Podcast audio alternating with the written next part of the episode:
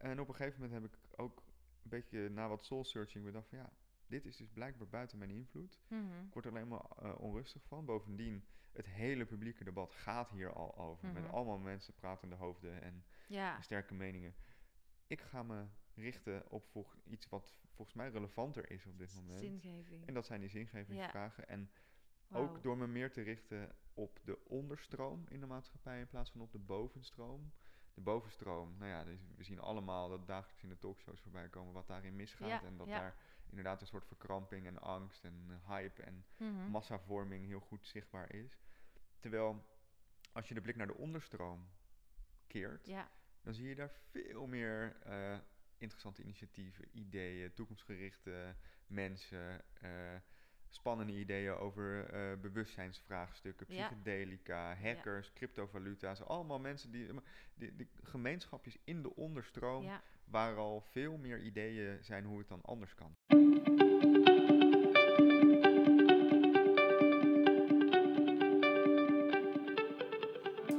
Welkom bij seizoen 3 van de podcast Stilstaan voor Dummies. Een rehab voor druktemakers. Eerste hulp bij stilstaan. En dit seizoen gaan we een stapje verder, een stapje dieper. We gaan de stilte doorbreken. Want inmiddels weet je alles over stilte. Want vaker stilstaan is goed voor je lijf, voor jouw mind en voor het luisteren naar dat stemmetje in jou. En durf te luisteren naar wat roept. En dat is al een grote uitdaging tijd nemen voor jezelf, aandacht geven aan jezelf, alleen durven zijn met jouw gedachten. En we kunnen niet blijven wachten op de oplossing, op de verlosser die ons komt redden. De oplossing zit niet in veel, in meer, in drukte, in veiligheid, comfort, verdoven of vluchten. Die oplossing die zit in jou en we gaan het samen aankijken. Jij mag het gaan aankijken. Jouw mooie kanten maar zeker ook jouw schaduwkanten. We kunnen in van alles investeren: in vastgoed, bitcoins, Netflix. Maar de meest waardevolle en nodige investering die ons roept, is die in jezelf. Dat is het medicijn. Want als jij iets in jezelf verandert, daarin jouw verantwoordelijkheid gaat nemen, verandert ook de wereld om jou heen. Het start bij jou. Laten we elkaar hierin helpen de verbinding zoeken en het is tijd voor actie.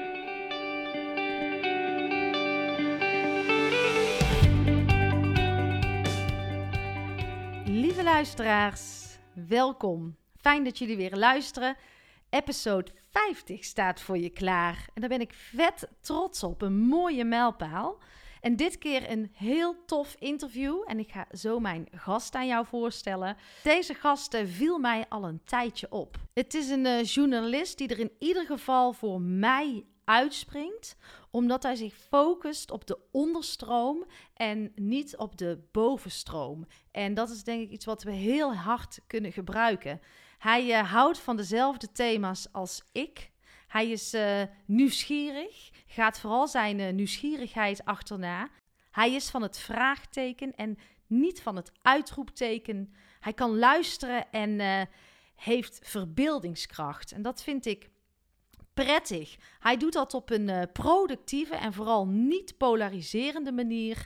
eh, maar probeert vooral vanuit de feitelijke waarneming bepaalde onderwerpen vanuit diverse kanten te belichten. En dat vind ik tof.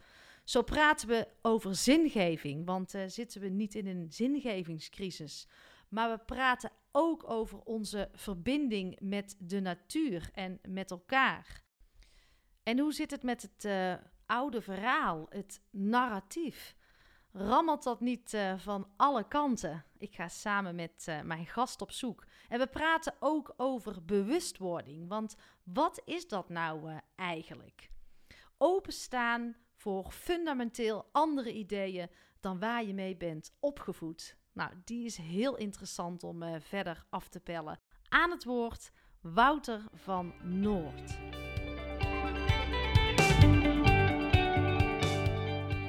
Vandaag ben ik in eh, Rotterdam bij een eh, NRC-journalist die mijn aandacht blijft trekken. Hij is eh, wel klaar met het korte termijn denken. He talks about toekomst, strategie, leiderschap, en persoonlijke ontwikkeling. I did my homework. Thema's die ook mij aan het hart gaan. En het ga hij gaat voor een meer menselijke en natuurlijke toekomst. Is volgens mij ook spreker geweest op TEDx Rotterdam. Ja, klopt. En op zondag zoekt hij naar zingeving en transcendentie. Zeg ik het zo goed? Ja, wie niet ook zou ik zeggen, toch? En ik zou zeggen, abonneer je in ieder geval op deze zondagse zoektocht op zijn nieuwsbrief Transcend. Voor mij zit Wouter van der Hoort. Hoi, welkom. Hey, hoi, fijn dat ik bij jou eh, thuis mag zijn. Hoe is jouw dag tot nu toe? Voordat we gaan beginnen, even intunen. Prima. Ik heb een prima dagje gehad. Ik heb net een eh, wandelingetje gemaakt voor de lunch, even een broodje gehaald. Lekker. Het is een, gewoon een lekkere thuiswerkdag en die bevallen mij wel. En, eh, de pandemie heeft ervoor gezorgd dat die zeg maar, introverte kanten van mijn karakter lekker konden wapperen. En de eh, lekkere focus op schrijven en denken en luisteren. Dus prima. En hield je die tegen voor deze coronatijd, denk je?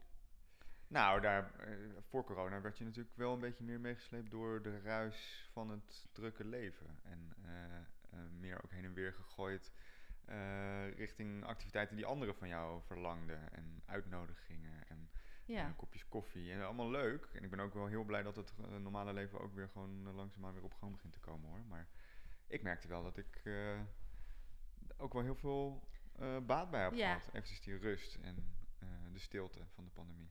Ik denk dat het voor heel veel mensen goed is. En eh, nou, voordat, wij, eh, voordat ik mijn eh, vragenlijst of, mijn aantekening ga doornemen. We hadden het net over iets heel moois wat jij gaat doen. En Ja. je zit natuurlijk in stilstaan voor dummies, dus die moeten we als eerste pakken. Je gaat eh sabbatical nemen. Ja, Vertel eens. Ja, ik vond het ook mooi wat je vertelt over je huis en je kijk daarop, hoe je daarnaar Ja. kijkt. Nou, het plan is om in juni volgend jaar een half jaar ertussen uit te gaan. En dan met een camper te vertrekken. Eh, we krijgen in januari een tweede kindje. Om nou, een half jaar natuur, zon, eh, elkaar, eh, de liefde, vrijheid, rust, stilte. Het zal allemaal niet zo idyllisch zijn als het nu klinkt waarschijnlijk. Maar nou, het is wel een mooi vooruitzicht. ja, en dan gewoon een beetje heen te rijden waar de wind ons heen waait. En waar het ongeveer tussen de 20 en 25 graden is en waar het zonnetje schijnt. En op die manier, nou ja, misschien ook wel van de pandemie overgehouden. Dat, eh, wat is nou het allerbelangrijkste? Is hetgeen wat heel dichtbij is, toch? Ja, ja hoe, hoe dichtbij wil je het hebben als je dan met elkaar lekker in de camper gaat zitten? gaat zitten. En je gaat je huis ga je verkopen. Ja, ja, die loterij van de huizenmarkt is voor ons heel gunstig geweest. Het is natuurlijk een ramp voor heel veel mensen die willen instappen. Maar eh, Ja. Ja. wij zijn op een heel gelukkig moment ingestapt. En je kan dat geld in stenen laten zitten of in de echte wereld eh, uitgeven. En nou ja, we stoppen het vast wel weer een stuk in stenen, maar eh, we gaan het ook even gebruiken. eh, om tijd te kopen en om rust te kopen en om lekker veel tijd met elkaar te hebben. Nou ja, vind ik echt een waanzinnig mooie tip. Jij zei het net al tegen mij. Ja, ik, ik dacht alleen maar wauw. En je inspireert mij dan ook weer. Ik ja, ge- maar je hebt het net gedaan. ja, wij hebben, ja, ik heb het net gedaan. Maar wij hebben eh, een huis gebouwd. Ons tweede huis inmiddels. En elke keer als ik voor het huis sta, dan denk ik... ik er gaat iets komen dat ik dit ook een keer ga doen. Dat ik of meer naar het groen wil. Want dat is de volgende Ja. stap die ik heb. En heeft niks met ondankbaarheid te maken.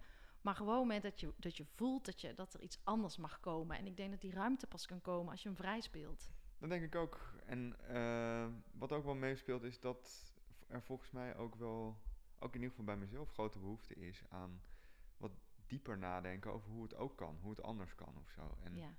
eh, je hebt het veel ook over het systeem. En eh, nou ja, dat is natuurlijk heel dwingend en eh, werkt heel verslavend. Dat zien we nu ook overal om ons heen weer, hoe verslavend dat oude normaal is en hoe dwingend dat weer kan zijn. ja, En ik ben ook wel benieuwd naar eventjes eruit stappen uit dat systeem. Om ook te kijken, oké, zo'n volgende stap.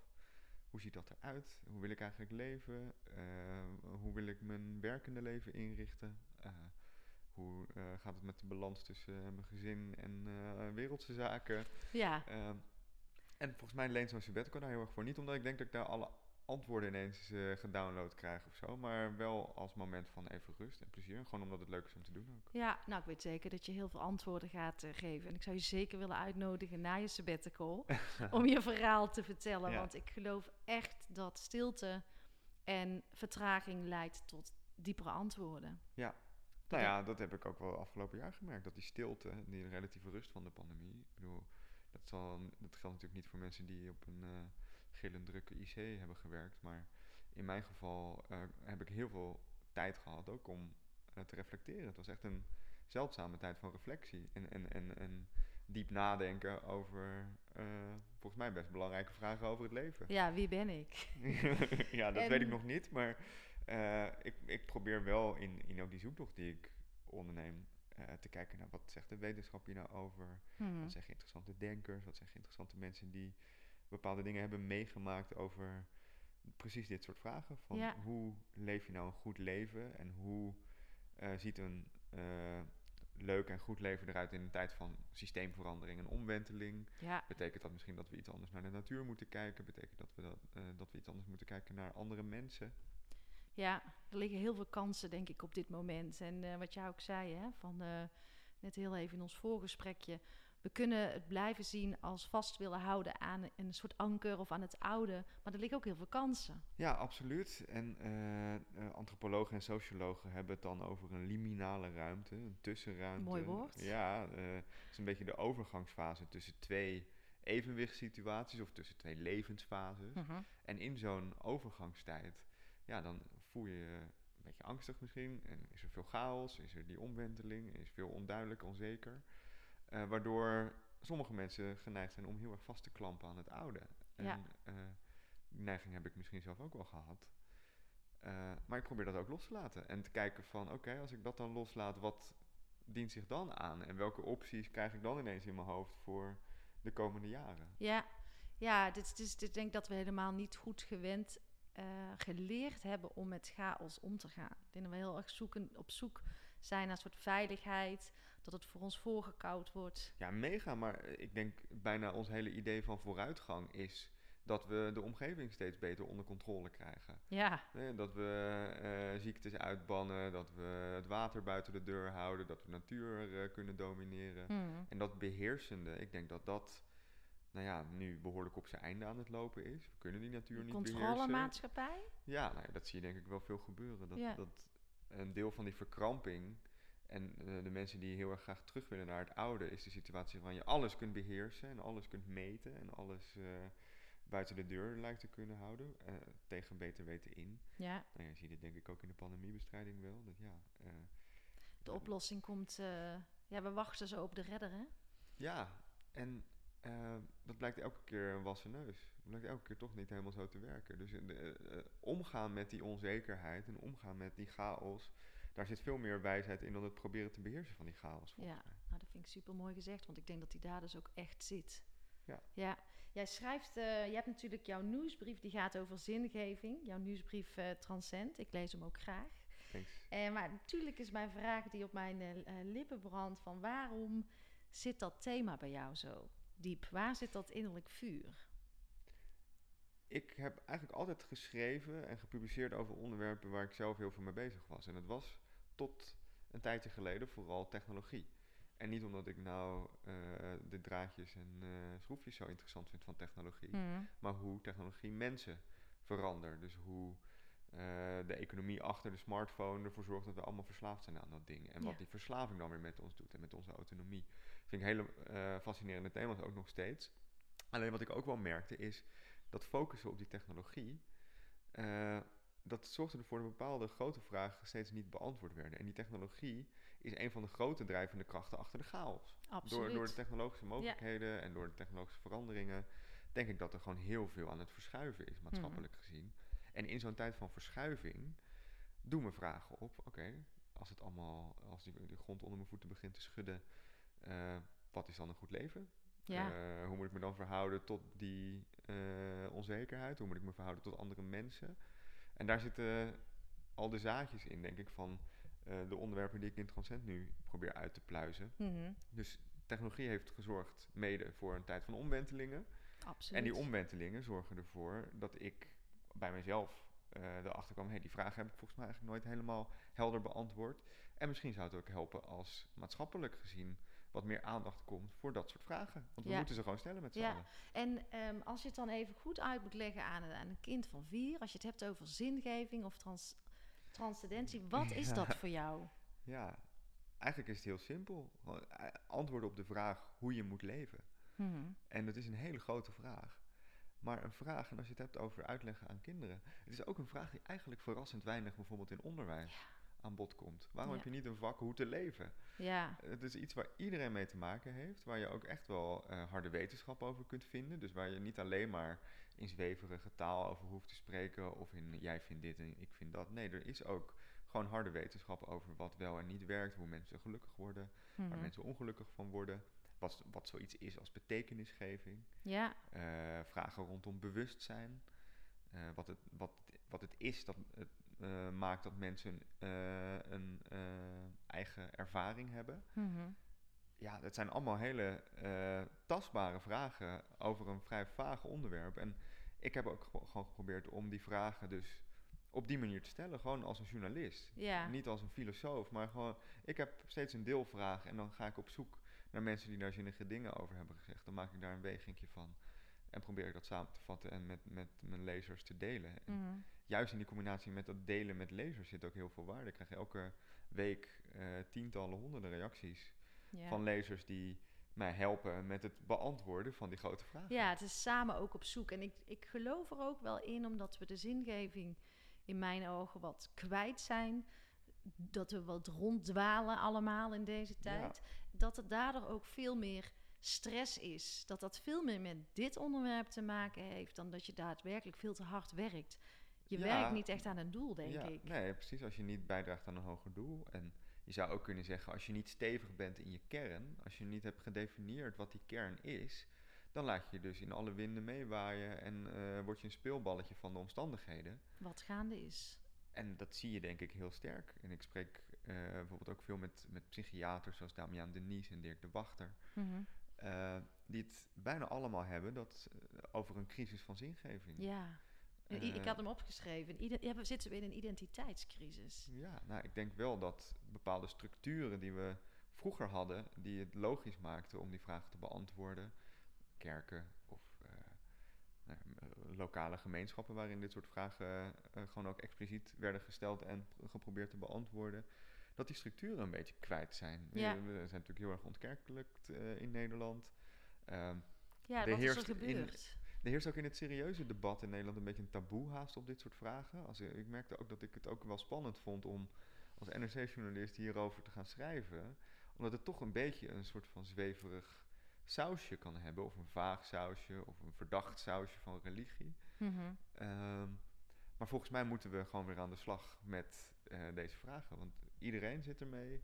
Ja. En juist in een tijd van omwentelingen moet je deze vragen weer wat duidelijker beantwoorden. En denk jij dat, het, eh, dat we daar, ehm, dat alleen de kerk. Vroeger was het natuurlijk eh, re- religie waar we aan vasthielden, een stukje wetenschap ook. Maar waarom zijn we zo ver van onszelf verwijderd geraakt? Waar is dat gebeurd? Heb jij daar een beeld Nou, bij? ik sprak daar laatst over met een historicus, Philip Blom. Mhm. Een prachtig eh, werk heeft hij gemaakt over de geschiedenis van om, grote omwentelingen. En wat hij zegt is dat eh, hij wijst heel erg naar het verhaal wat wij elkaar vertellen over onszelf en over de wereld en over hoe we ons verhouden tot de natuur. Mhm. Dat is altijd verpakt in een soort groot verhaal, een narratief. En waar hij op wees, is dat het narratief van nu, eh, namelijk dat wij boven de natuur staan, dat wij eigenlijk afgescheiden zijn van de natuur, dat wij ook losstaan van elkaar, dat er ook een, sprake is van een bepaalde competitie tussen elkaar en dat dat goed is, want dat brengt de mensheid vooruit. Mhm. Dat is maar een verhaal, maar dat heeft wortels tot, tot aan de Bijbel aan toe. Ja, Dus ja. dat is een verhaal wat al eh 2000, 3000 jaar aan het opbouwen is. En wat nu wel degelijk op grenzen staat. Niet alleen maar omdat in de wetenschap blijkt dat het verhaal eh, bullshit is. Mhm. Dat, eh, hoezo zijn we afgescheiden van de natuur? Als je Ja. kijkt naar wetenschap rondom het microbioom. Alle beestjes in onze darmen. Miljoenen beestjes die ook in onze omgeving zitten. Die direct invloed hebben op onze gezondheid. Onze mentale gezondheid. Onze Ja. mentale gestel. Dus we zijn niet afgescheiden van de natuur. Ehm, in- recente inzichten uit de epigenetica. eh, over hoe trauma's zich door generaties heen in je genetica kunnen manifesteren. ja, in je systeem, in je celsysteem. In je celsysteem, nou, dat weet ik niet precies. Dat, Ja. dat, dat- zover reikt mijn kennis niet. Maar eh, in ieder geval in de epigenetica, dus in de, eh, de codes rondom je DNA, daar is trauma van voorouders soms in terug te vinden. Ja, En eh, nou ja, dat is mind-blowing als je in dat verhaal vastzit van ja, we staan toch los van elkaar. En er zijn allerlei takken van wetenschap waaruit die diepe verbindingen nu veel duidelijker naar voren komen. Mhm. Eh, dus dat verhaal van afgescheidenheid is niet waar. Nee. Eh, bovendien leidt het tot nogal grote problemen en allemaal gevaren in de, in de vorm van een ecologische crisis en Tja. allerlei andere existentiële bedreigingen die daardoor komen. Dus we moeten ermee stoppen. Maar het is dus wel een omwenteling die eh, echt van historische proporties misschien wel is. En eh, die Philip Blondie zei, ja, dit is een omwenteling die we één keer per 3000 jaar maken als Ja. mensheid. Dus Maar zijn we dan verkeerd geprogrammeerd als mensen? ja, ik denk dat je dat zo wel kan zeggen. Kijk, het is altijd een beetje een valkuil dat je ehm, ook romantisch wordt over de tijd voordat we dit dachten. Mhm. met z'n allen. En eh, eh, ik denk dat mensen altijd een element hebben van verbondenheid en een element van afgescheidenheid. En dat het verhaal wat nu zo dominant is geworden over die afgescheidenheid gewoon een beetje is ontspoord. En ja, te dominant is geworden. En het, het representeert wel een deel van de menselijke natuur. Maar niet de hele menselijke natuur. En Nee. een hele andere kant van die menselijke natuur, die is daardoor misschien wel genegeerd, vergeten, een beetje buiten beeld geraakt. En bovendien, omdat het verhaal zo dominant is, Hm. lijkt het soms alsof er geen alternatief is. Ja. we moeten wel door en we hebben alles al een keer geprobeerd en het communisme is toch mislukt en eh, we willen ook niet terug naar religie. En mensen die dan zeggen, oh, je moet misschien eens kijken naar eh, inheemse tradities of naar het boeddhisme of naar indianen eh, die hier veel dieper over hebben nagedacht over de onderlinge verbondenheid tussen generaties en tussen mens en natuur. De Maori in Nieuw-Zeeland die allemaal nou ja, hele andere wereldbeelden erop nahouden. En die, die krijgen dan vaak te horen van ja, eh, je bent een beetje eh, vals romantisch aan het doen en dit hebben we al geprobeerd en we willen toch niet eh, Ja. in een indianenhutje gaan wonen. En het, het creëert zo'n valse tegenstelling. Het is volgens mij niet of-of, maar het kan heel erg en-en. en, en. Ja, maar het is vraag denk ik van de mens om een bepaalde nieuwsgierigheid. Ja. En wij zijn als mensen geneigd om ehm, dat het voor ons geregeld wordt. En maar als ik kijk naar mij waar het ontstond, is in mijn sabbatical dat ik dus echt vragen ging stellen aan mezelf. Ik werd nieuwsgierig en ik wilde op zoek. Ja. Zeg je, oké, hoe werkt mijn brein? En Ja. eh, hoe werkt, eh, hoe, hoe is de kracht van mijn lichaam? Maar ik kan me ook wel voorstellen dat heel veel mensen het wel veilig vinden. Maar daardoor zitten we nu ook te wachten op iets waarvan ik denk, ja, Ja. wanneer gaat het komen? Het komt niet, want die oplossing zit in ons als mens. Ja, en het is denk ik nieuwsgierigheid. Dat is een heel belangrijke eigenschap, juist in een fase waarin oude zekerheden wegvallen. Want dan moet je wel nieuwsgierig zijn naar, naar de alternatieven. ja. Het is een kwestie van luisteren. En dat is ook mooi, denk ik, aan die stilte. Is dat je in zo'n situatie waarin echt het oude losgelaten moet worden en iets nieuws opgebouwd moet worden. Dat, dat kun je niet meteen beginnen door te zenden en te roepen. Dan moet Nee. je luisteren. En je moet even goed proberen te luisteren naar, ook naar mensen die je misschien daarvoor niet zo goed eh, eh, op je netvlies had. Zoals die oude culturen waarin ja. andere natuurbeelden, wereldbeelden. Even luisteren. Gewoon even stil. Niet een grote bek opzetten, maar luisteren naar wat die mensen te vertellen hebben. En dat even verwerken. En dan met die nieuwsgierigheid. En ik denk ook verbeeldingskracht is heel belangrijk in zo'n fase. Mhm, mhm. De alternatieven verbeelden. En dat klinkt, dat kan heel snel een beetje een soort van tuttig en vaag klinken. Maar ehm, nou ja, Jan Rotmans, je kent hem. Ja. eh, transitiehoogleraar eh, hier in Rotterdam. Heeft net ook een boek geschreven, Omarm de chaos, waarin hij precies dit zegt. Waarin eh, als, er, als er een fase is, zo'n tussentijd, waarin het evenwicht zoeken is van het oude en het nieuwe evenwicht nog niet is gevonden. Dat is een periode waarin allerlei mogelijke opties voor toekomsten zich aandienen. En de enige manier om die tastbaar te krijgen is door ze te verbeelden. En letterlijk dus ook verbeelden. Ja. Dus probeer te schetsen. Probeer eh, ontwerpen te maken van hoe jij wil dat Nederland er over eh 50 of 100 jaar uitziet. Of hoe je eigen leven eruit Ja, ziet. en niet aan dat oude blijven hangen. Als dat, eh, daar gaan we het denk ik ook niet mee redden. En wat ik ook van Vilna van Bette had gehoord, is als er een nieuw idee tot je komt, dan leidt dat tot eh judge, doubt en fear. Dus Ja. gewoon, en, en als je dan eens kijkt naar jezelf van wat doet het, dat ging ik doen. Wat doe ik als iemand iets tegen mij aanhoudt waarvan ik denk, dat is belachelijk. Ja, Dan duw ik het van me af. Maar dat is blijkbaar een afweermechanisme van mijn brein. En nu ik dat dus weet van mezelf, denk ik, oké, ik doe het nu weg. Maar dat is, doet mijn brein. Ik moet het nu gaan bekijken. maar dat zie je denk ik ook maatschappelijk heel erg sterk gebeuren. Het is toch behoorlijk aan het polariseren, al die discussies. Ja. En dat komt misschien wel omdat mensen diep van binnen inderdaad voelen dat het oude aan het weggaan is. En dan beetje in afweermechanisme van ja, dat is wel een heel gek idee over de toekomst. Want daar ben ik het helemaal niet mee eens. En dan eh, in die polarisering schieten in plaats van naar het luisteren naar elkaar. En sociale media zetten daar natuurlijk ook nog een soort van turbo op. Eh, Ja. Het zijn natuurlijk ego-machines en verdeeldheidsmachines. En eh, eh, die bedrijven die verdienen geld door ons in doelgroepen te segmenteren. En steeds nauwer gedefinieerde doelgroepen, Ja. zodat ze makkelijker advertenties kunnen aanbieden. Maar dat betekent ook dat die doelgroepen steeds verder tegen elkaar worden uitgespeeld. Omdat dat de scherpste groep Mhm, groepsafbakeningen mhm. geeft. Daar moeten we ook bewust van zijn. Ja, het, is al, het, het gebeurt nu allemaal tegelijk. En eh, er is een interne omwenteling gaande. eh, er is een externe omwenteling gaande. En nou ja, dat is dus een periode waarin het heel onrustig is, maar waarin ook allerlei nieuwe kansen zich aandienen. Ja, ja, da- dan is het ook los durven laten van het oude. En ik, ik had ook ergens gelezen als de band met de natuur verbroken is. Waar, ze- waar jij zei ook van we moeten weer meer, veel meer die verbinding op gaan zoeken met de, met de natuur. Ja, Maar dat we dan ook gevoeliger zijn voor massavorming. En dat we ook eenvoudiger te beïnvloeden zijn, blijkt ook. En ook als onze sociale banden eh uiteengerukt worden. nou, dat is wel een interessant gesprek wat ik een tijdje geleden had met Matthias de Smet. Daar komt hij eh, van. Dat is ja, mooi dat jij hem aan... Die Ja, zei dit. Ja, Ja. dat vind ik echt een hele interessante eh, denker. Die ook, nou ja, dus hij is psychiater, maar denkt ook heel erg over complexiteit en omwentelingen. Ja.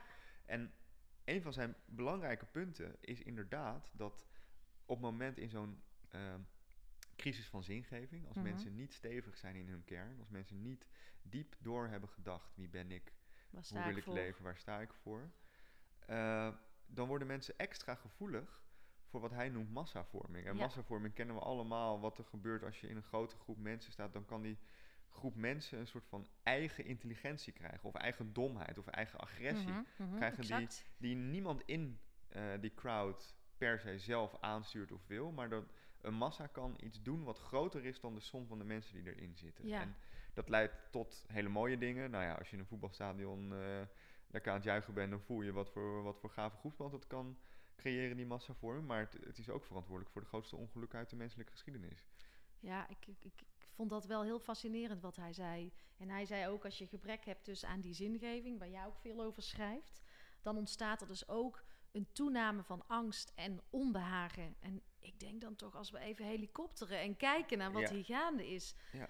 En wij hebben allemaal een gebrek aan zingeving, wat helemaal niet erg is, wat we allemaal hebben. Ja. Maar dan snap je dus waarom je angstig bent. En dan denk ik, dan is het toch juist goed om met elkaar te gaan zoeken naar die zingeving. Absoluut. En wat een, een ander ding wat hij ook zei, en wat ik heel herkenbaar vond, is hij had het ook een beetje over die individuele beleving van massavorming. Wat, Ja, wat maak je nou mee als je in zo'n massa staat en je wordt meegesleurd door het sentiment van de groep? ja. Eh, en hij vergeleek het ermee dat mensen die dat hebben dan achteraf zeggen, ja, het leek haast alsof ik, alsof ik er niet echt was. Alsof het een soort film was waar ik in zat. ja. En volgens mij hebben we, ik in elk geval wel, tijdens het begin van de pandemie, allemaal dat gevoel herkend van, is dit een film? Is Ja. dit echt? Is dit een soort van Groundhog Day? Ja. Weer dezelfde persconferentie? ja. Zit ik in een, rare science fiction eh, verhaal op dit moment? En dat gevoel van, dit is niet echt, Mhm. dat relateerde hij dus aan dat dat misschien ook wel een teken is van massavorming. Van, nou ja, we zaten allemaal naar dezelfde schermpjes te kijken, we zaten allemaal naar dezelfde persconferenties te kijken, waardoor er ook nou ja, een soort groepsdynamiek ontstond. Mhm. Die, eh, ja, we hebben ook gemerkt hoeveel solidariteit dat kon geven, maar ook blinde vlekken en eh, groepsdenken. En eh, nou ja, Ja. me- de mens als massa is ook gewoon levensgevaarlijk. Ja, ik, eh, ik vind dat zorgwekkend op dit moment. En wat ik, wat, wat ik vaak naar me toe krijg op dit moment is ook van ja, maar vroeger deed je dit toch ook? Dan denk ik, we zitten volgens mij juist in een fase dat je als mens nu mag veranderen. Als van gedachten mag veranderen. ja, Van inzicht. Ja, laten Ja. we het hopen. Ik denk dat we dat juist nodig hebben. En als Ja. wij het in onszelf veranderen, verander, verandert de wereld ook om je heen. Daar geloof ik in. Ja. En toch houden mensen vast aan dat. Ja, het was altijd zo, dus dan moet het ook zo blijven. Maar dat is toch helemaal geen eerlijke vergelijking. Hoe kijk jij daarnaar? Het is denk ik een illusie. Het is tegelijkertijd een illusie die heel invoerbaar is. Hmm. Ja, als alles om je heen verandert, dan grijp je maar vast wat je nog kent of zo, toch? Ja, en, tuurlijk, eh, en doe ik ook. Dat is Ik ook heb, ik heb ook behoefte aan vastigheid. Ja. En, Eh, ik heb ook slechte momenten. En ik vond in het begin van de pandemie echt angstig. Echt angstig. Ik heb het ook gekend. eh, gewoon last van mijn maag van de, van de angst voor wat er aan het gebeuren was. Dat is natuurlijk helemaal niet een gezonde manier van ermee omgaan. En Nee. ook het vastklampen aan, nou ja, dan maar in de angst schieten. Of eh, eh, middagen zitten doomscrollen op Twitter, wat er allemaal voor ramp op ons af aan het komen was. Ehm, lezen, in- het klampen. En Ja. een van de dingen die me het meest heeft eh, gesteund of de ogen heeft geopend, is de Stoïcijnse levensfilosofie. Die Hmm. heel erg draait om wat eh, de dichotomie van controle heet. Oké, Dus, vertel eens. Ehm, dat gaat erom dat je je moet richten op de dingen waar je wel controle over hebt. En alles waar je geen controle over hebt, vooral lekker moet laten gaan. Dus ja. met, met moed en overgave je richten op wat binnen je Mhm, eh, invloed mhm. is. En de omstandigheden negeren. Het enige wat je kunt doen aan omstandigheden is jouw reactie daarop bepalen. ja, En dat gaf me heel, het is heel logisch, het is echt een, een bijna cliché om te zeggen, maar op een of andere manier gaf me dat heel veel rust, omdat ik in het begin heel erg bezig was, oh dat virus en de maatregelen en het gaat helemaal niet goed. En ja, dat ik met allerlei dingen me zat te bemoeien, eh, ook online en allemaal eh, grote bekken opzetten tegen mensen, waar ik helemaal geen invloed op had, waar ik ook geen verstand van had. nee. En op een gegeven moment ben ik dus tot rust gekomen en heb ik me gewoon gericht, oh nou, ik kan me dus deze periode vooral richten op die zingeving zelf, op mijn gezin, Mhm. op mijn buurt, eh, op de dingen waar ik direct eh, invloed op heb. Ja. En dat gaf me heel veel rust. Ja, dat is misschien wel onderbelicht en heel erg nodig. Want volgens mij zitten we in een periode die onmiskenbaar heftig is voor iedereen. Ja. Maar we doen bijna allemaal alsof we dit allemaal wel even kunnen. Terwijl iedereen met Ja. dezelfde angsten zit, de zorgen. En dat was ook mijn vraag die ik aan jou wilde stellen. Van hoe speel jij dat spel van zorgen maken, ongeduld, angst, naar vertrouwen? Eh, maar dat is dus door ehm, een overgave. Dat zeg jij dus door gewoon te kijken van waar heb ik invloed op. Ja, en daar dus ook radicaal voor te kiezen. En Ja. dus ook radicaal ervoor te kiezen om de, om de dingen waar ik geen invloed op heb, dan even niet te doen. En eh, in mijn werk, in het begin, ik ben journalist bij NRC. Ja. En, eh, nou ja, ik vond dat er bepaalde dingen in de verslaggeving misschien niet helemaal goed gingen. Ik vond eh, sowieso eh, COVID-beleid en hoe Nederland daarmee omging, had ik allemaal meningen over. Ja, En op een gegeven moment heb ik ook een beetje na wat soul-searching bedacht van ja, dit is dus blijkbaar buiten mijn invloed. Mhm. Ik word er alleen maar eh, onrustig van. Bovendien, het hele publieke debat gaat hier al over. Met Mhm. allemaal mensen pratende hoofden en ja, sterke meningen. Ik ga me richten op volg- iets wat volgens mij relevanter is op dit moment. zingeving. En dat zijn die zingevingsvragen. En ook door me meer te richten op de onderstroom in de maatschappij in plaats van op de bovenstroom. De bovenstroom, nou ja, dus we zien allemaal dat dagelijks in de talkshows voorbij komen wat daarin misgaat. Ja, en dat ja. daar inderdaad een soort verkramping en angst en eh, hype en Mhm. massavorming heel goed zichtbaar is. Terwijl als je de blik naar de onderstroom keert, dan zie je daar veel meer eh, interessante initiatieven, ideeën, toekomstgerichte mensen, eh, spannende ideeën over eh, bewustzijnsvraagstukken, Ja. psychedelica, hackers, cryptovaluta's. Allemaal mensen die, die, die gemeenschapjes in de onderstroom, ja. waar al veel meer ideeën zijn hoe het dan anders kan. ja, en als je, die wereld is zo fantastisch. Ja. En ik ben daar ook, eh, ik, ik geloof ook dat er een soort parallelle samenleving aan het ontstaan is. En Ja. Voor mijn gevoel ben ik ook al een beetje uit het systeem aan het stappen. Ja. En, en gewoon, ik sta al met twee benen in, in, in, in dat bouwen van dat nieuwe. Ja. En daar ben ik volop mee bezig. En dan komen er mensen op je pad waarvan je denkt, wauw. En dan denk je, eh, dan is er geen angst meer. En tuurlijk word ik ook wel eens teruggezogen als ik kijk naar en je mijn wil kinderen. comfort en je hebt inderdaad kinderen met leerplicht. En met- ja, eh, daar maak ik me eh, soms nog zorgen om. Ja, en, ik herken dat heel sterk. Ik zit ook in een soort van proces van, ja, wat is mijn rol in dit systeem? Ja. Ook als journalist ben ik, Op eh, zoek. eh, ben ik van meerwaarde in dit systeem. Of juist beter eh, een beetje aan de zijkant ervan, of aan de Mhm. rand ervan, of in die Mhm. onderstroom in plaats van in die mainstream. ja, Eh, daar ben ik nog voor mezelf niet uit, maar zo'n sabbatical kan misschien ook weer helpen om daar... ja. Nou, daarom, jij valt daarom op, denk ik, bij Hm. mij als journalist. Omdat eh, het lijkt me ook dat eh, het vak journalistiek best lastig is op dit moment. Best uitdagend, soms in een, in een tweestrijd, in een spagaat. Maar wat jij net vertelt, de manier hoe jij het doet... ja, die, dat is wat ik zoek in journalistiek. Ja, Omdat leuk, ik, ik ja. denk dat dat nodig is in deze wereld. Die, die, wat jij zegt, die diepere levensvragen en een stukje erkenning van dat je dit niet alleen hoeft te doen. En daarom heb ik mijn podcast om Ja. Eh, het proces waar ik doorheen ben gegaan. Dan denk ik, ja, eh, het is nodig om hier uit te komen uit Ja. deze wereld. En het helpt niet dan alleen maar te blijven wijzen, in die polarisatie te stappen, eh, bepaalde mensen geen stem te geven. Maar echt, ja, die, wat jij, ik vind het mooi hoe jij het verwoordt, die onderstroom. Dus ik zou alleen maar zeggen, Ja. meer van dit. Nou, wat ik ook wel signaleer is dat veel mensen... Dankjewel voor Ja. dat je zo aardig daarover vertelt. Ja, Ehm, wat veel mensen ook doen, en dat komt misschien ook wel vanuit dat verhaal van die afgescheidenheid, is doen alsof er een soort van boos systeem is ja, en een goed individu. en alle individuen zijn gewoon ook onderdeel van het systeem. En Ja. elk, elk eh, eh, individu is in die zin een soort van besmettelijk in veranderingen van het systeem. We zijn niet afgescheiden, maar we zijn allemaal verbonden. En Ja. eh, ja, als je maar denkt in, een, in die besmettingen.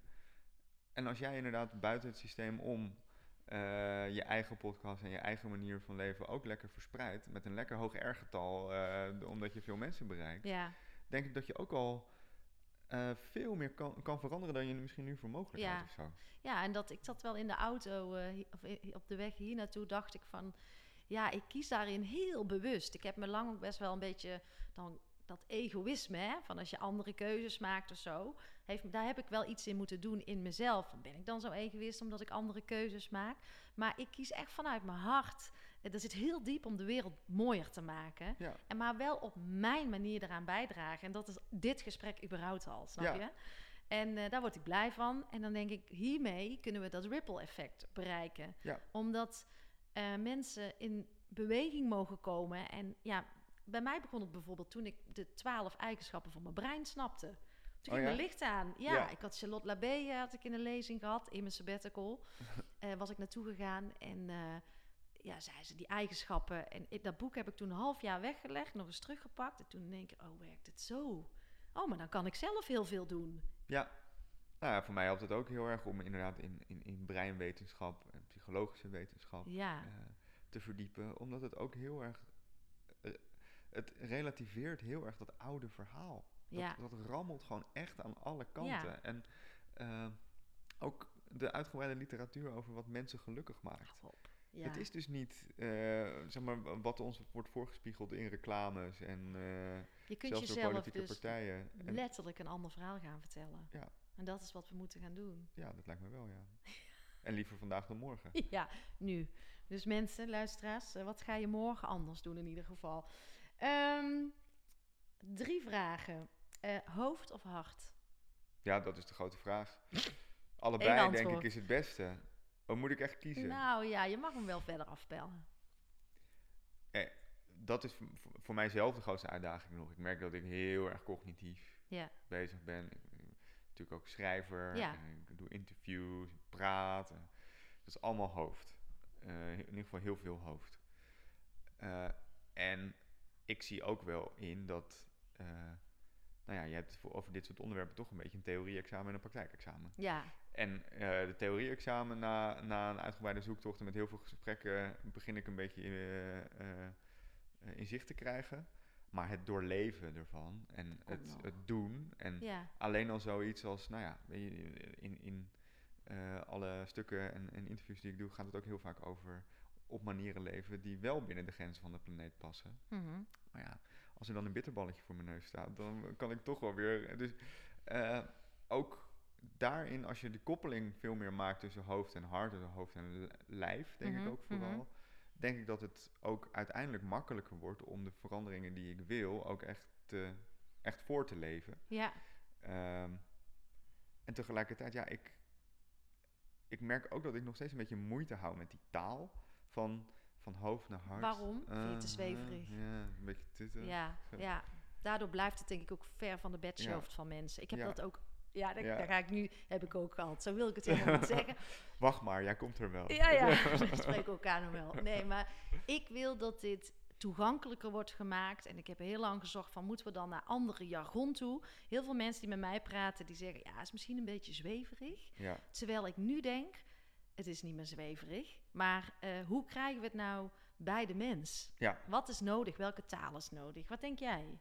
Ja, misschien is de wijze les wel dat er dus niet zoveel taal voor nodig is. Ja, dat het mooi. gaat om het ervaren. Dat Ja. het er niet gaat om dat je er goed over kan lullen, maar je moet het doen. Ja, Toch? Ja. En, en, en eh, juist, juist stil zijn. En niet het in hokjes proppen, wat taal eigenlijk is. Taal is natuurlijk heel reductionistisch. ja.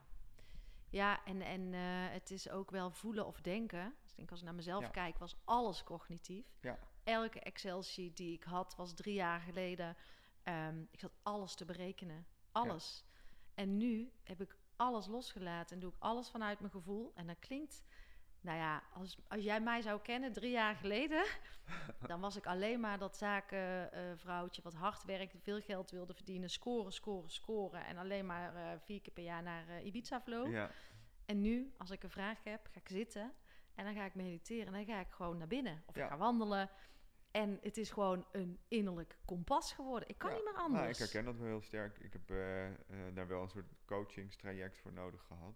was ook niet gek, hè? Nee hoor, daar schaam ik me ook helemaal niet voor. Nee. Eh, eh, een hele goede coach ook, Lars Lutje Schiphol. Die, Hey, die ken ik. Oh ja? Ja. Grappig. Ja, Ja, die ligt, richt zich ook heel erg op systemische en, en lichaamscomponenten in dit soort dingen. En nou ja, ik heb, dat waren echt eye-openers voor mij. Van, eh, kap eens met het analyseren en voel eens wat, wat, waarom je dan eh, onrustig bent of waarom je Ja, waar dat boos in je bent. Of, eh, en alleen al het aangewezen krijgen van ga dat eens doen, zorgt ervoor dat het nu een luikje is wat open is. En waar, waar je veel makkelijker bij kan, toch? ja, en wat ook gewoon ehm, open mag gaan staan en daarin mag je groeien. Maar wel een mooie anekdote is van Lars. Is tien jaar geleden stond, werkte hij voor Sindesmo. Dat was over volgens mij duurzaam reizen en het nieuwe werken. En hij gaf toen een presentatie over die onder de ijsberg, vooral die spirituele Ja, En ik heb daar staan roepen, ik weet dat moment nog, dat ik zei, daar is de wereld nog niet klaar voor. En toen dacht ik ook, ik ben er ook nog niet klaar voor. Maar er komt een moment ja, dat ik, daar, dat ik dat snap en doorleef. Heb ik daar heel bewust gedacht. Maar ik dacht, zij toen nog, iedereen vindt dat zweverig. Maar hij was daar al heel vroeg mee bezig met het Ja. onderwerp. Ja, nou, ik denk ook dat de tijdsgeest richting dit soort onderwerpen wel ook aan het kantelen ligt. Ja. En dat er veel, veel meer openheid aan het komen is. En dat het taboe eraf aan het gaan is. En eh, dat, dat zie je in de populariteit van bepaalde podcasts. En eh, Ja. mensen zoals Giel Belen. Ja, Koekeroe. je ziet ook dat eh, er is een gevaar ook rondom dit gedachtegoed. Mhm. Dat er heel veel wensdenken bij komt kijken. Dat mensen soms misschien ook een beetje hun kritische vermogen verliezen om goed door te vragen. En dus in allerlei dingen gaan geloven. Ja. En dus alleen nog maar hun gevoel ja, volgen en niet hun verstand meer gebruiken. ja, of denken dat alles maar aankomt waaien. En dat, Ja. dat is ook niet zo is werkt nou ja, ik wil dat helemaal niet veroordelen of zo, maar wat ik constateer gewoon dat eh, in deze manier van denken, of deze manier van voelen moet je dan eigenlijk zeggen, zet ook de deur open naar heel veel bullshit. Ja, zeker weten. En het is daarvoor oppassen, denk ik. En Ja. daarom, daarom wilde ik niet kiezen tussen hart en hoofd, omdat ik uiteindelijk, ik, voor, voor mij ligt nu veel meer uitdaging in dat hartgedeelte. Mhm. Maar volgens mij is de Beide ultieme nodig. wijsheid om het te integreren. Ja. Ook weer en, en, en niet of of. Ja, en misschien wordt dat eh, over tig jaar eh, meer hart dan hoofd. Dat zie ik ook wel gebeuren. Maar we, het hoofd is nodig. En wat jij zegt, spiritualiteit of dat hart, soms wordt het ook bijna een commercieel kunstje. Ja, dan ook gaan- gevaarlijk. Ja, de- als, men, als er een verdienmodel achter zit, is het op, oppassen geblazen. Ja, En eh, ja, dan, dan verliest het een beetje zijn zuiverheid. of in ieder geval is het risico dan heel groot dat dat gebeurt. Voor de kliks, voor de views, voor de omzet van eh eh Shambhala druppeltjes. ja, die hebben we ook nog natuurlijk. En zie jij het verschil in generaties? Want dat, daar ben ik nog naar op zoek. Hmm. Is het... Ik, ik heb het antwoord nog niet gevonden. In dit soort vraagstukken, is dit een generatiekloof of heeft, is dit iets anders? Ik denk vooral dat er één generatie is die eh, ook door de omstandigheden en door de culturele eh, omstandigheden van die tijd eh, veel minder gevoel heeft voor deze ontwikkelingen dan de generaties daaromheen. Namelijk generatie X. En wie Eh, zijn exacte generatie Volgens X? mij, als je de generatieonderzoeken erbij pakt, zijn dat nu de mensen die zeg maar tussen de 45 en de 60 zijn. Oké, dat zit ik net Generatie. Rutte. Ja, ja, zeg ja. maar. ja. Ehm, generatie X werd ook wel generatie niks genoemd, omdat ze nergens in geloofden. Vrij nihilistische generatie, Mhm. patatgeneratie. Mhm. Eh, niet om die mensen, ik geloof op zich niet in, in dat je, er zijn grote verschillen binnen generaties, maar je kunt wel iets van, dat ook op basis van onderzoek wel zeggen over de gemiddelden in, in generaties. En er is in die generatie een sceptisch ten opzichte van spiritualiteit, een sceptisch ten opzichte van dogma ja, en religie. geloof ik. Wat heel, heel begrijpelijk is en waar Mhm. ik ook wel voor een deel zelf in mee kan gaan. Eh, terwijl, zowel als je kijkt naar de 60-plussers, als eh, naar helemaal de jongeren, ik bedoel de generatie Z, de, ge- de generatie onder mij. Ja, Ik ben een millennial, ik ben 36. Eh, nou, die, zijn, die gaan helemaal richting astrologie. En, Toch dat wel, Is, ja. ja, dat, volgens mij zie je daar hele duidelijke trends richting weer wat spiritueler en, en esoterischer denken. ook. openstaan voor er is meer dan Ja, het fysieke. Ehm, maar is er gewoon een één generatie tussenin die daar een beetje eh, wantrouwig ten opzichte van is? En ik heb ook hele mooie gesprekken met 60-plussers hierover. ja, dat heb ik dus ook. Ik, ik, Maar niet met 40ers. ik ben een 41, hè? Oké. Dus ja, je bent dan nog net een beetje half generatie niks, half Ja, ja, ik hang er ook gewoon ergens in de chaos tussen. Maar nou, het, ik weet niet waar die precies zit. Ik merk ook dat het, ehm, ja, dat het ook wel. Ik weet soms echt niet of het leeftijdsgebonden is. Het is net of je open wil staan, ja of nee. Of dat je.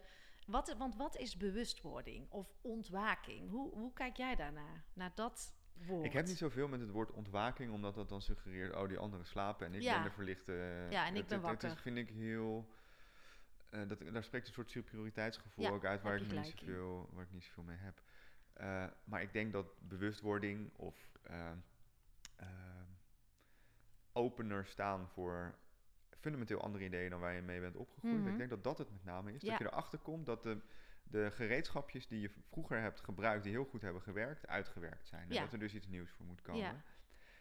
Daar kom je toch volgens mij bijna alleen maar achter door een persoonlijke crisis. Of door een eh, ge- heftige gebeurtenis. Of eh, dat je tegen een muur aanloopt. Nou ja, het is denk wel, ik hè? niet voor niks dat mensen die eh, in burn-out-achtige situaties zitten. Of het dertigersdilemma. Of eh, wat is het, midlife Quarterlife crisis. quarter- je hebt eh, het een leven is één grote aaneenschakeling van crisis, Ah, is ja. het zo hoor. Maar een, een- crisis is natuurlijk ook, en dat, dat relateert weer aan die chaos. En, eh, een crisis is ook een moment van omwenteling. En, van, Wedergeboorte. en, en wedergeboorte, eh, waarin ook weer nieuwe opties ontstaan. En, ehm, maar ik denk dat de mensen die voor mij het, meest overtuigend over dit soort dingen praten, dat zijn mensen die gewoon ook echt iets hebben doorleefd. Ja. En erachter zijn gekomen dat hun oude manieren van doen gewoon niet meer werkten. Ja, en, en wat jij zegt, is daar een crisis voor nodig. Voor mij van mijn eh, half jaar stilstaan, daar gebeurde het gewoon.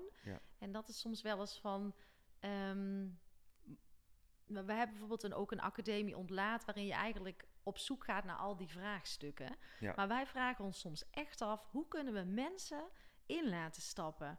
Want kan, is er iets anders om iets aan te wakkeren... zonder dat iemand in een burn-out zit of... ehm, ehm, een, een, een fietsongeluk heeft gehad, zoals Jan. Ja, of, ik denk het niet, eerlijk het is heel gezegd. moeilijk. We- En weet je waarom ik denk dat het, dat het komt? Het is een mooie vergelijking van hoe ons brein functioneert. Het, het onderbewuste versus het bewuste. En het bewuste deel van je brein, dat is eigenlijk maar een heel klein mannetje Ja, op een hele grote olifant. ja, En die olifant die bepaalt het grootste deel van de richting. En we, we, we zitten in de illusie dat dat mannetje dat bepaalt. mhm, En dat die, zo'n verandering, zo'n interne bewustzijnssprong of zo, dat dat komt door het mannetje. ja, kun je niet sturen. Maar het komt door de olifant. En die olifant die houdt pas op met eh, doorlopen als, je- als die echt niet anders kan. Want het, het menselijk brein wil gewoon vastigheid en patronen en herhaling en gewoontes. En, eh, Gemakzucht, gemak. veiligheid. Ja, we zoeken natuurlijk echt de, de weg van de minst- minste weerstand. Ook omdat het gewoon Eens. eh, de minste energie en metabolisch het beste is om te doen. ja, En ja, je blijft zonder noodzaak, blijf je gewoon doen wat je doet, denk Ja. ik, de meeste mensen. ja, nou dat merk je ook wel. En eh, je, er moet iets gebeuren dat je denkt, nu moet ik iets nu wil ik ook iets gaan doen. Maar Ja. dan kan je bijna niet forceren, dat moment. Er moet wel een crisis komen. Ja, nou, en dus misschien ook in die koppeling van hoofd naar hart, dat je dat toch ook in je hart moet voelen Ja. dat, dat die verandering nodig is. Ik wil nog heel even terugpakken naar het feit dat we volgens mij allemaal in best wel een chaotische fase zitten. En het lijkt alsof we het allemaal alleen moeten doen. Ja, nou, dat, en, en die pandemie helpt er ook niet mee. Dat maakt natuurlijk ook mensen nog extra geïsoleerd of zo. Ja. Of in ieder geval is al ons contact via schermen. Wat dus is er via nodig? algoritme. Ehm, ik denk, en dat zie je denk ik ook als je een beetje optimistisch naar die onderstroom kijkt, is dat er zit zoveel waarde in lokale gemeenschappen. Eh, waarde die er nu helemaal niet goed uitkomt. En die lokale gemeenschappen zijn een beetje uitgehold de laatste decennia. Ja, Maar eh, we hebben ook tijdens COVID allemaal geleerd nou, dat je gewoon eh, een pannetje soep naar de buurvrouw kunt brengen. En, ja, eh, wat, waar ik heel hoopvol van word, is de beweging rondom groene straten. Dat is echt zo'n zichtbaar verschil in grote steden. Dat allerlei straten of autovrij worden gemaakt en dan allemaal bomen en plantjes worden neergezet. Maar vooral ook al die geveltuintjes, al die mensen die gewoon zelf met de buurt hun buurt groener en fijner maken. En dat is een, volgens mij is dat een hele mooie beweging die laat zien dat die kracht van gemeenschap eh, weer een beetje aan het opborrelen is. mhm, Eh, dat als je het hebt over eh, de grote omwentelingen waar we in zitten, dat een andere blik naar natuur ook gewoon mogelijk is. We Ja. kunnen gewoon weer wat meer natuur in onze eigen Ja. omgeving brengen. En dat Ja. is veel hoopgevender dan dat zware woord klimaat, wat alleen maar cynisch maakt. ja, Maar ook natuur, daar krijg je energie van. Natuur, eh, daar krijg je zin in om, eh, om iets te doen. is ook heel productief. En het is ook een deel van de oplossing van het klimaatprobleem, denk ik. Een Ja. gezondere omgang met de natuur. absoluut. Ehm, dus ik denk dat daarin dat je al best wel bewegingen ziet waar je heel hoopvol van kunt worden. Dat Mhm. mensen ook massaal wel zien dat die afgescheiden manier van leven, eh, die, die beetje zinloze, betekeniscrisisachtige situatie waarin we zitten, ook maar leidt tot polarisering en massavorming en, en, en juist enge tendensen. En dat het ook tijd is voor een tegengeluid daartegen. Ja, en dat we daar zelf dus ook invloed op hebben. Ehm, denk jij dat er straks veel meer, ehm, ja, dat die kleinere samenlevingen weer gaan ontstaan? Dus dat we veel meer gaan naar lokale, ik denk dat wel. ja. ja, verbintenis. Ja, niet dat het digitale verdwijnt of zo, of het Nee. grote verdwijnt, maar eh, ik geloof heel erg in steden ook. Als, Mhm. als plekken van vernieuwing en als plekken van ontmoeting, als plekken waarin ook eh, bepaalde problemen veel Ja, beter en sneller opgelost kunnen worden. ja. eh, dan, in, eh, dan op wereldschaal of dan op is veel landniveau. lokaler. Het is lokaler, het is sneller, het is persoonlijker. Ook als je in steden problemen aanpakt, dan kun je toch binnen tien jaar wel zien of het is gelukt. Terwijl veel van de grote abstracte problemen waar we nu voor staan, zeker als je die op nationaal of, of wereldniveau bekijkt, kun je niet echt vooruitgang meten of waarnemen. En Mhm. juist in die kleinere, lokalere eh, eh, settings, zoals steden, kan je dat wel. Dus dat, het zorgt er denk ik voor dat die steden en die lokale gemeenschappen ook een soort van magneet nog meer worden dan nu van vernieuwende ideeën en van oplossingen die gewoon nodig zijn nu. Ja. ja, het zou wel fantastisch zijn. Ik hoop niet dat we te ver die eh, globalisering ingaan, maar dat we ook echt dat lokale houden nog. Daar eh, Ja, dat- zou mijn wens ja, wel zijn. Ja, Ehm, jij schrijft, je bent journalist. Je schrijft ook over een, eh, vind ik, een super belangrijk onderwerp. Daar moet je meer mee gaan doen. Groter maken. Ja. Daar mogen journalisten bij aansluiten, wat mij betreft. Merk je ook wel eens tegenwind of oordelen en meningen? Hoe ga je daarmee om? En hoe blijf jij zo neutraal mogelijk daarin? eigenlijk, ik was dus een beetje zenuwachtig toen ik zeker met Transcend begon. Ja, dacht van, oh, dit is wel, ik, ik maak mezelf wel kwetsbaar. Ook omdat het best wel precaire eh, onderwerpen zijn die door niet iedereen even serieus genomen worden. mhm. Eh, en misschien wordt er bij de koffieautomaat over geluld, maar niet tegen mij. Ik heb eigenlijk heel weinig weerstand. weerstand. En, en mensen zien ook hoe het aanslaat. En dat, nou ja, vooral op LinkedIn, dat er echt altijd hele levendige en productieve discussies rondom eh, zijn. Ja, Ehm, dus er is behoefte aan. En Ja. ik denk dat als ik, ik probeer gewoon heel eh, feitelijk te blijven, zoals ik ook in mijn andere journalistieke werk probeer te doen. Ik Ja. probeer bij de feiten te blijven en eh, niet te vervallen in al te veel wensdenken of, om maar te zeggen, spiritueel gewauwel. Maar ik Mhm. probeer te kijken, wat zegt de wetenschap hier nou Ja. over? En hoe staan wetenschappelijke visies op dit onderwerp Ja. tegenover elkaar? En eh, is er misschien buiten de eh, standaard wetenschappelijke aanpak waarbinnen we dit eh, beoordelen, zijn er ook serieuze stemmen die zeggen dat die wetenschappelijke aanpak misschien wel een beetje tekortschiet? En dat blijkt eigenlijk altijd heel goed te verantwoorden. En Mhm. als je, da als je daar maar een beetje je huiswerk in Ja. doet. En ook, ik ben denk ik, in, zeker in die zingevingsdingen, ik ben van het vraagteken en niet van het uitroepteken. Nee, je bent ook op zoek. Ja, En, eh, en ik- wat ik mooi vind is, daar blijf je neutraal in. Eh, je, je laat jezelf niet verleiden tot eh, polarisatie of, of oordelen of, of iets. nou, ik heb ook Ja. wel eens een zwak momentje als iemand echt een beetje zit te zeiken. Of, Mag ook, toch? Ja, zo, soms dan. bedoel, op, LinkedIn is het natuurlijk ook wel laagdrempelig om dan snel te reageren. En soms verwijder ik dan wel eens even een, een te snel geplaatste opmerking of Van zo. Maar- jezelf. Ja, maar ik, ik, probeer, ik probeer ook. weet ik heb ongelooflijk veel aan al die input van lezers. Ja. Dat, dat, is, dat is echt een eh, ontzettende bron van eh, informatie en van kennis en van, eh, van die antwoorden die ik aan het zoeken ben. Mhm. Dus ik neem mijn lezers ook volstrekt serieus. Die weten met z'n allen wel honderd miljoen keer meer dan ik weet. ja. En ze zijn zo aardig om dat tegen mij te vertellen. Dus eh, ik probeer ze ook wel op die manier te behandelen. Het is een soort community die je aan het bouwen bent Ja, dat, zo voelt hè? het wel een beetje. Ja. Ja. Maar dan zie je dus ook, ja, dat is dan niet een lokale gemeenschap, maar die kracht van gemeenschapjes en van eh, mensen die rondom een thema of een bepaald idee zich verenigen eh, Ja. op een productieve en niet polariserende manier, Ja, daar geloof ik heel erg ja, in. dat is de toekomst. En ik geloof, wat jij zegt ook, dat eh, de nieuwe netwerk, en dat zegt ook Bob de Wit, die zegt ook vanuit, mensen gaan zich vanuit kernwaardes aan elkaar Ja. verbinden. Ja. En als je het dan weer even, dat haakje naar zingeving, wij weten helemaal niet wat, heel veel mensen weten niet nee, wat hun kernwaardes zijn. nee. En als je dat weet, kun je altijd teruggaan naar dat stuk. Nou, klopt dit? Nee, oké, dan zit ik niet op het goede pad. Ja. Dus dat is Nou ja, maar je ziet dus als je die kernwaarden wat, wat, als je wat dichter bij de definitie daarvan komt, als je voor mezelf, nou ja, die, die kernwaarden gaan veel meer richting de, de, de verbindingen dan richting het afgescheidene, Ja. bijvoorbeeld om maar iets te noemen. En als Ja. je dat al wat helderder voor de geest hebt, dan kan je dat ook helderder uitdragen. Dan werkt dat ook als een magneet voor mensen die dat ook hebben. En dan krijg je dus die gemeenschapjes van mensen met dezelfde kernwaarden. Ja. Dus het moet zich ook in zo'n chaos situatie waarin iedereen een beetje zoekend is, waarin iedereen een beetje Mhm, de weg kwijt mhm. is, moet het gewoon weer op, op die manier langzaam via dit soort gemeenschapjes misschien weer worden opgebouwd. Ja. Ja, en als je het dan hebt over dat hoofd of het hart, dan denk ik dat je veel meer verbindt vanuit je hart dan vanuit je hoofd met Ja. dat soort mensen. Ja, dat, eh, dat, dat, dat denk ik ook. En daar ligt ook nog wel een uitdaging. En Ja. helemaal om- vanwege het communicatiemiddel eh, nieuwsbrief. Ja, ga- eh, laat daar maar eens je hele hart in zien. En überhaupt die lijfelijke ervaring die eigenlijk bij dit soort Ja. onderwerpen hoort, zit daar gewoon eigenlijk niet in. Nee, maar dat Dus- zou een mooie volgende stap Ja, kunnen nou, we zijn. gaan ook live events doen. Hè? We hebben binnenkort in Rotterdam allemaal... Nou, vertel, want we, we zijn al een uur aan het praten en we gaan gewoon richting afronding. Maar vertel even, waar kunnen we jou vinden? Wat zijn je plannen? En daarna nog één vraag en dan Ja. eh, gaan we richting einde. Dus wat eh, vertel? 19 eh, december gaan we het met een kwantumfysicus, Bernard de Kastroep, en met Cyril Pennarts, hoogleraar breinwetenschappen, hebben over het bewustzijn. Wauw, Wat is dat nou?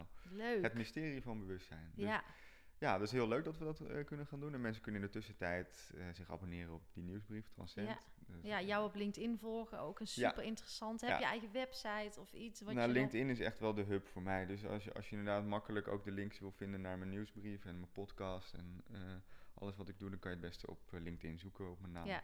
Wouter van Noord. Met een T. Ja. en ehm, af te sluiten in stilstaan voor dummies met jouw eh, sabbatical in het vooruitzicht. Waar zit jouw grootste uitdaging als het gaat over stilstaan en eh, nog meer naar binnen mogen gaan? Ik denk dat eh, de kern is dat ik niet zo afgeleid moet zijn. Dat ik heel erg de neiging heb om honderd dingen tegelijk te doen. En dat is ook, dat is ook leuk, daar daar krijg ik ideeën van. Maar dat als we straks in die camper zitten, eh, dat ik daar ook wel mijn aandacht bij heb. Ja, Dat ik dan niet op LinkedIn ga zitten. En dat ik dan niet eh, ook nog nieuwsbriefjes en podcastjes ga zitten proberen te maken. Maar dat ik gewoon daar ben en eh, nou ja, wat ik in het begin zei, gewoon echt in de natuur, Ja, in de zon, ja. met de liefdes van mijn leven Alles daar de tijd kan doorbrengen. En heb jij, want je zegt, ik, we gaan die sabbatical gewoon doen. we gaan de zon opzoeken. Een half jaar zijn we weg, camper, huis verkocht. Heb je voor jezelf al wel eens onderzocht of je ook je social media kanalen dicht gaat zetten? eh, je telefoon, wat Nou, heb, denk je daarover Ja, na? zeker. Daar hebben we toevallig deze week een gesprek over gehad met eh, mijn vriendin Floor. Eh, omdat we hebben, eh, wat is het, zes jaar geleden zijn we ook wat langer op reis geweest in Mhm. Azië. Toen hebben we echt alles gedelete. Echt ook WhatsApp gewoon van de telefoon Ja. afgeflikkerd. Ja, eh, Facebook eraf, alles eraf. ja, En dat was bliss. Was perfect. En met name opviel was eh, toen we terugkwamen en dus weer WhatsApp installeerden, dan krijg je Mhm. al die berichten in één keer. ja, Duizenden bullshit berichten. En er zat bij ons allebei nul berichten bij waar je, waar, waar iets belangrijks in stond of waar we iets mee hadden moeten doen. Of nul. ja, Dus, en ik heb, eh, ik heb een hele oude lieve oma en eh, mijn vriendin heeft twee hele oude lieve oma's. Dus we moeten wel ergens bereikbaar zijn, dus een, een telefonisch of via sms. ja, Maar het zou zomaar kunnen dat het ook een eh, echte digital detox eh, Ja. wordt, ja. ja, mooi. Ik eh, ben heel nieuwsierig hoe je het gaat do- doorleven. Ja, ja, ik ook. En ja, ik wil jou bedanken voor het mooie gesprek. Ja, ik vond het ook leuk, dankjewel. Ja, en we houden contact voor na jouw sabbatical. ja leuk. Dankjewel.